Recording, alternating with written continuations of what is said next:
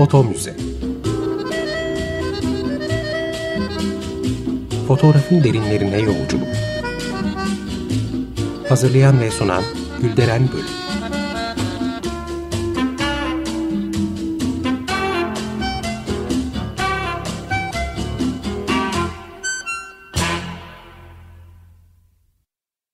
Merhaba değerli dinleyiciler, fotoğraf tarihçiniz ben Gülderen Bölük. Yeni bir foto müzede yine birlikteyiz. Programımıza başlamadan önce sosyal medya hesaplarını tekrar hatırlatmak istiyorum. Bizi Foto Muze Türkiye adlı Twitter ve Instagram hesaplarından takip edebilirsiniz. Ve tabii görüş ve yorumlarınızı da paylaşabilirsiniz. Ayrıca geçmiş programları da Spotify podcastler üzerinden dinleyebileceğinizi tekrar hatırlatmış olayım. Bugün programda çok değerli bir konuğum var. Fotoğraf sanatçısı Rıza Can Kumaş. Hoş geldiniz. Merhabalar, hoş bulduk. Nasılsınız, iyi misiniz? Çok teşekkür ediyorum. Kabul ettiğiniz için de sağ olun. Ben teşekkür ederim davetiniz için. Ben onur duydum. Sağ olun. Ee, Rıza Can Kumaş Marmara Üniversitesi Fotoğraf Bölümünden e, pek çok başarılı projeye imza attı. E, 2017 yılında İpek Yolunu Geçmek adlı bir proje kapsamında e, otostopla birçok ülkeyi dolaşarak buradaki insanları, yaşamları, mekanları fotoğraflarıyla kaydetti. Birikimlerini ve bilgilerini de çeşitli kurum ve kuruluşlarda e, paylaştı ve sergiler açtı. E, son zamanlarda ismi NFT dünyasında da sıkça anılıyor. Hatta yaklaşık bir iki ay evvel dünyaca ünlü müzayede firması Sotheby's'te e, panoramik portreler başlığı altında topladığı fotoğrafları satışa sunuldu. Yani kendisinin müthiş bir hikayesi var. Burada uzun uzun bunlardan söz etmek isterdim ama formatımız gereği sizin de bildiğiniz gibi bugün konuyu e, NFT dünyasına ve bu platformda oluşturulacak arşivlere e, getireceğim. E, programın gayet ilginç olacağını düşünüyorum açıkçası. E, çünkü NFT, Metaverse, e, kripto sanat gibi kavramlar yeni yeni hayatımızda yayılmakta. E, ve bilinenlerden çok bilinmezler var gibi. E, bu konularla ilgili hem ütopik hem distopik senaryolar yazılıp çizilmekte. Dolayısıyla sohbetimizde biraz beyin fırtınası tadında olacak. Ee, Rıza Can'a öncelikle NFT dünyasına ne zaman girdiğini e, sorarak başlayalım. E, tam olarak ne kadar zaman oldu Rıza Can? Ben ilk NFT'yi duyduğum zaman 2020 yılıydı. Yalnız o dönemlerde ben e, People of Banana Island yani Muz Adası insanları belgeselimi yapıyordum. O yüzden çok üzerine eğilememiştim. E, 2021 yılının başlarında e, belgeselin bitmesiyle aa dedim NFT diye bir şey vardı. Dur ben şuna bir bakayım. Ee, biraz araştırma falan derken Mart ayında ben NFT'ye giriş yaptım. Yaklaşık olarak sanırım bir 8-9 ay 8-9 e, aydır aslında NFT dünyasında ve aktif bir şekilde günde 10-16 saat şeklinde e, NFT'leyim.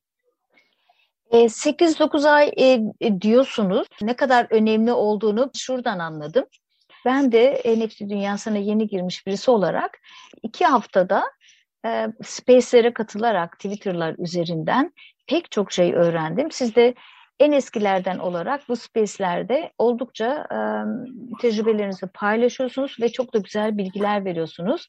E, sizin gibi diğer e, tecrübeli arkadaşlardan bu anlamda çok şey öğreniyoruz. E, hemen şunu soracağım. CryptoPunk dediğimiz o piksel sanatların daha çok revaçta olduğunu görüyorum ama belki de yanılıyorumdur. E, bu bağlamda şunu soracağım. Fotoğraf ve fotoğrafçıların e, NFT dünyasında ne kadar yeri var? Ee, aslında ben ilk girdiğim zaman Mart döneminde e, fotoğrafçı yok gibi bir şeydi. Biz 10 kişi falandık. Herkes birbirini tanıyordu, konuşuyorduk. Ya arkadaşlar bizim zamanımız ne zaman gelecek? İşte acaba bizimle gerçekten ilgilenecekler mi?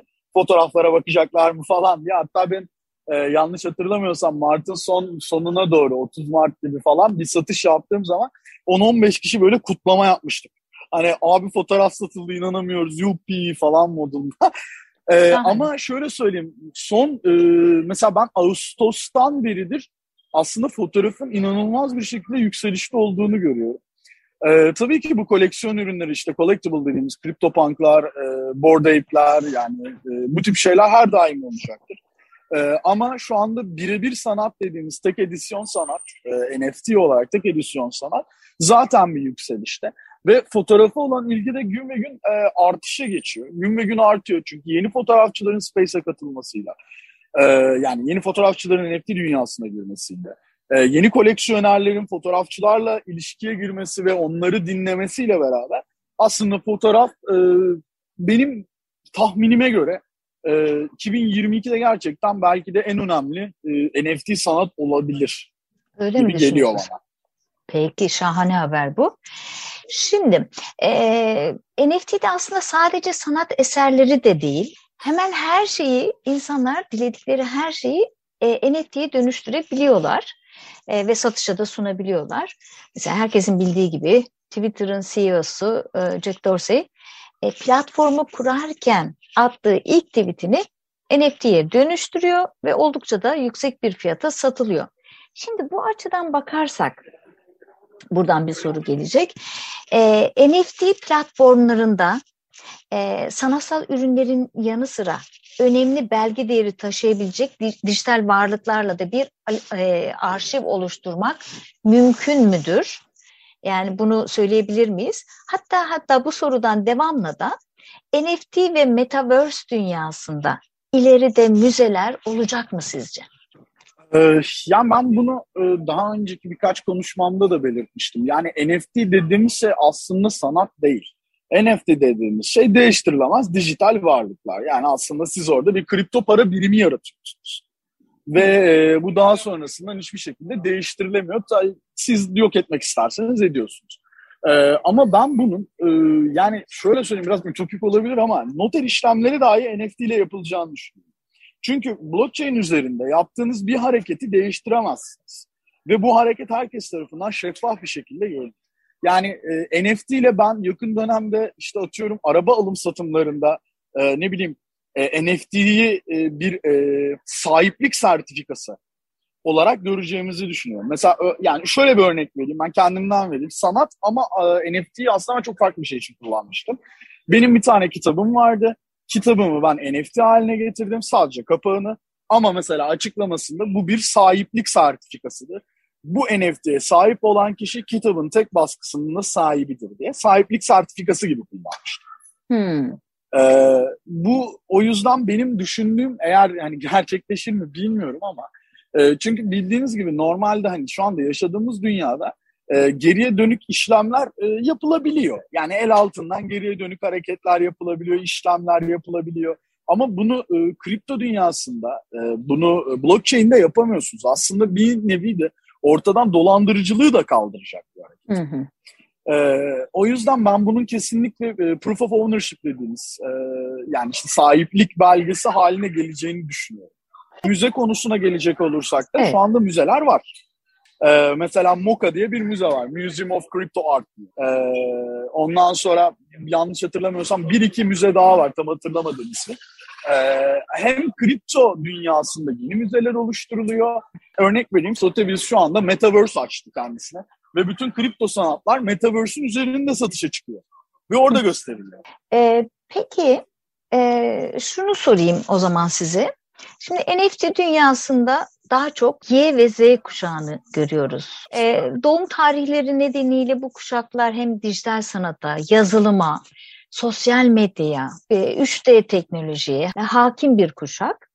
Ee, peki teknoloji o kadar yatkın olmayan, o kadar hakim olmayan daha eski kuşaklara gidersek, onların arşivleri bu yeni dünyada yerini alamayacak mı diye sorayım ya da başka ya bir şey. Bence ki bence kesinlikle alır. Yani e, şöyle bir örnek vereceğim. Mesela Reza Degadi çok dünya ünlü bir fotoğrafçı Azerbaycanlı.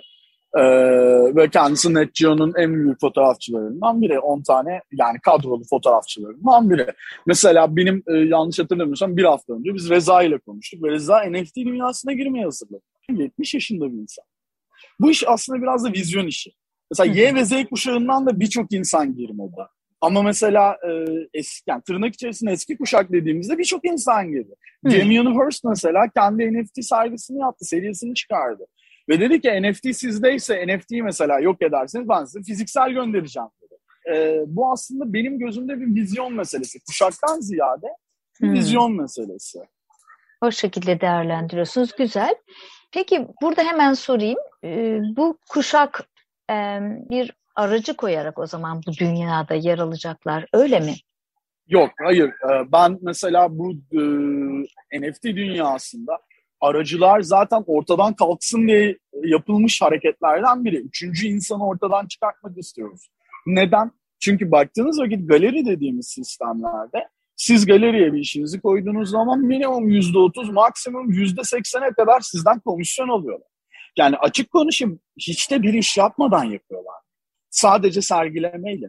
Ama e, NFT'de artık sanatçılar sonunda hak ettikleri değeri alıyorlar. İnsanlar şey diyor abi çok büyük paralara satılıyor. Hayır sanatçılar sonunda hak ettikleri değeri alıyorlar. Ee, yani ben üçüncü insanın olmayacağını şuradan da bir örnek verebilirim. Yani kendimle alakalı. Benim annem Twitter açtı. Ve Twitter'da koleksiyonerleri takip etmeye başladı. Ve onlarla şu anda konuşuyor. Bu dediğim gibi aslında bir vizyon meselesi. Eğer yeterli vizyona sahipse sanatçı veyahut da kişi.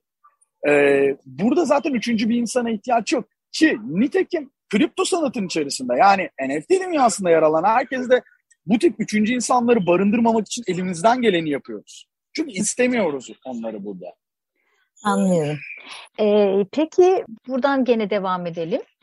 Bu metaverse'ler kurulacak ve buralarda sanal galeriler işte yani aslında onlar da bir, bir nevi aracı değil mi sizce? Ee, şimdi şu açıdan düşünmek gerekiyor. Şimdi aracı dediğiniz şey doğru. Mesela örneğin Superware bir aslında markettir. Ee, siz işinizi markete yüklersiniz ve işte sizden yüzde on beş bir komisyon keser. Doğru. Burası üçüncü, burası bir aracı. Ama Superware yakın dönemde halka arz oldu.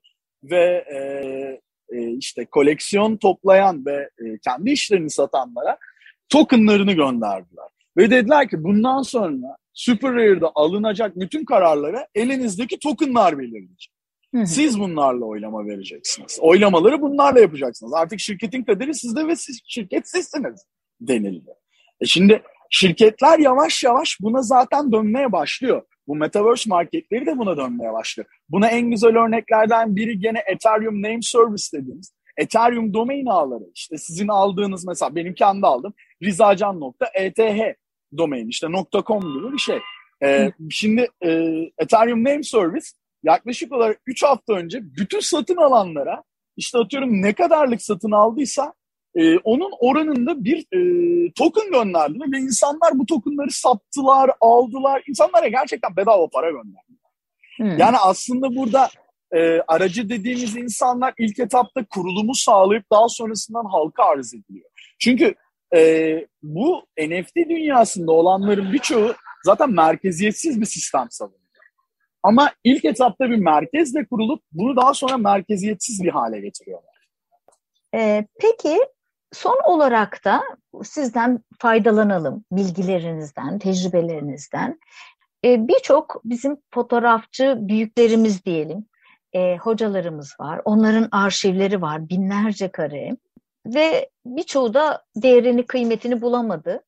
E, ve bir kısmının da vefatından sonra bu arşivlerin ne olacağı konusunda da bilinmezlikler dolu. Şimdi e, NFT, belgeleme ve arşivcilik, yani bu konularda biraz bize bir şeyler söyleyebilir misiniz? Yani bir e, umut vaat ediyor mu bu arşivlerin e, buralarda e, yüklenmesi, saklanması söz konusu olabilir mi? Tabii ki. Yani şimdi ben en basit şöyle bir örnek verebilirim. Ee, aslında benim herkese verdiğim tek bir tavsiye var ilk etapta. Burası ego barındıran bir yer değil. Çünkü bizim alıştığımız sanat camiasında herkesin bir egosu var ve egolar üzerinden aslında sanat dönüyor. Çünkü herkes birbirine amenna çekmek zorunda kalıyor. İşte o onu tanıyor, bu bunu tanıyor, işte o beni bir yere koyar, bu beni bir yere koyar diye. Ama burası yeni bir dünya. Burası herkesin sıfırdan başladığı bir dünya. Aslında burada yeni doğmuş bir bebek gibi hareket etmek gerekiyor. Önce içeri girip algılamak, öğrenmek, e, buradaki dinamikler nedir onlara bakmak, ve bu dinamikleri kendine nasıl adapte edebileceğini düşünmek. Çünkü herkesin aslında sanatı farklı olduğu için herkesin de yaklaşımının da farklı olması gerekiyor. Yani şu noktada ben sadece şöyle bir tavsiye verebilirim. Bütün herkese, bütün e, sanatçılara yani genç yaşlı fark etmez. Burada sanatınızın ne olduğunu bilmeniz gerekiyor. E, çünkü son dönemde bunu siz de farkındasınızdır. Fotoğraf Instagram'dan ibaret oldu. Artık Instagram'da ne kadar like'ınız varsa o kadar fotoğrafçısınız gibi bir ibareye büründü. Türkiye'de fotoğrafçılık özellikle. Ve bu insanlar bu tip yerlerden e, egoist hareketlerle insanları ezmeye başladılar. Burada böyle bir şey olamaz. Burada böyle bir şey yapamazsınız. Kimse yapamaz, ben de yapamam. Hı hı. O yüzden burada dediğim gibi aslında sanatınızın ne anlamı ifade ettiği. Sizin bir e, arka planınız var mı? Yani bir background'unuz var mı? Nereden geldiniz? Bu işinizde ne anlatmak istiyorsunuz? Aslında her şey sizin elinizde NFT ile. Kimse sizi ön plana çıkarmaz. Kimse sizi atıyorum bir anda e, en aşağıdan alıp en yukarı koyamaz. Ya da orta seviyeye de koyamaz. Sadece size işte atıyorum e, koleksiyonerlerle tanışma konusunda destek çıkabilir. Ama burada herkes tek başına, bireysel olarak yapıyor. O yüzden burası aslında çok e, duygusal olarak çok yorucu bir yer. E, zamanınızın büyük bir kısmını burada harcamamız gerekiyor. Yani e, şöyle bir genel yanlış algı var. NFT'ye girdim, işimi koydum ve satılacak. Böyle bir şey yok. Hı hı. NFT'ye gireceksiniz, işinizi koyacaksınız, saatlerce uğraşacaksınız, kendinize bir çevre yapacaksınız. Ondan sonra umarım satılacak. Yani bir, e, bir arkadaşımın bir lafı vardı çok hoşuma gider. Ben işte e, 8-5 işimi bıraktım şimdi 17 saat çalışıyorum günde diye. e, çok doğru bir kavramdır NFT için ve NFT'de geçirdiğiniz bir gün gerçek hayatta geçirdiğiniz neredeyse bir aya eşit. Yani burası inanılmaz hızlı akan, çok hızlı e, dinamiklerin değiştiği bir yer. E, gene bununla ilgili birinin paylaştığı bir şeydi. İşte e, Ocak'tan beri NFT'deyim. Hayatımda geçirdiğim en güzel 15 yıl. E, o yüzden aslında buraya e, girmek isteyenler duygusal olarak ve psikolojik olarak hazır olmalı. Ne olursa olsun burada tek başınasınız. Tek başına. Herkes tek başına. Ben de tek başımayım. Tabii ki eşim, dostum var, arkadaşlarım var. Çok samimi dostlarım var. Çok samimi sanatçı dostlarım var. Çok samimi koleksiyoner dostlarım var. Ama ne olursa olsun tek başınasınız. E, benim de gördüğüm, tabii benim için çok yeni bir dünya. E, herkes birbirine yardım ediyor. Yani yardımcı oluyor birbirlerinin işte ağına katılıyor, onun e, tanıtılması için ya da onun bilinirliği için bir takım paylaşımlar yapıyor. Bu anlamda böyle hoş da bir dayanışma var gibi görüyorum. Öyle değil mi? Siz nasıl düşünüyorsunuz? Aslında şöyle söyleyeyim. Ee, ben NFT'ye girdiğim zaman e, kimse yoktu. Yani daha doğrusu kimse yoktu derken biz böyle baya hani e, deneye yanıla, deneye yanıla birçok yanlış yapa yapa doğruları ee, daha sonrasında benim ben de birkaç arkadaşım da aslında biz hani şu anda e, işte atıyorum haftada bir iki e, Twitter Space'ler açıyoruz. Bu da aslında neden açıyoruz onu da söyleyeyim. İnsanlar bizim düştüğümüz hatalara düşmesin. Hı hı. Ee, çünkü bize kimse yardım etmemişti. Kimse bize bir şeyleri anlatmamıştı. Ben mesela ilk kurduğum Metamask'ımı kaybettim. Daha sonrasında yeni Metamask açtım falan. Hani çünkü bana kimse anlatmamıştı mesela o 12 kelimenin ne kadar önemli olduğunu. Ee, şimdi çok aslında çok basit bir detay ama çok önemli bir detay. Evet. Ee, aslında biz bir nevi şu anda e, biz bizim işte Mart'ta girenlere aslında second generation OG deniliyor. Yani ikinci nesil orijinal tayfa olarak geçiyoruz biz. Ee, biz bu arkadaşlarla beraber aslında bir nevi anma hizmeti yapıyoruz. Yani e, hani hep beraber yürüyelim. E, işte biz bildiklerimizi aktaralım. Kimse e, şey olmasın, geride kalmasın diye bunu yapıyoruz. Ama ne olursa olsun biz ne kadar aktarırsak aktaralım herkes tek başına. yani bundan maalesef ki kimse kaçamaz. Yani burada kimse şunu beklemesin. İşte atıyorum tırnak içerisinde işte Rıza Can'la ben çok iyi arkadaşım. İşte o beni bir yere taşır. Hayır. Ben kendi arkadaşlarıma da yapmıyorum bunu. Çünkü istemiyorum. Burada herkes hak ettiği kadar burada. Hı hı. Verdiği emek kadar bir yerlere geliyor. Ve bu, bu benim çok hoşuma gidiyor. Çünkü biz aslında geleneksel sanat dünyasında bundan birçok insan müzdarip.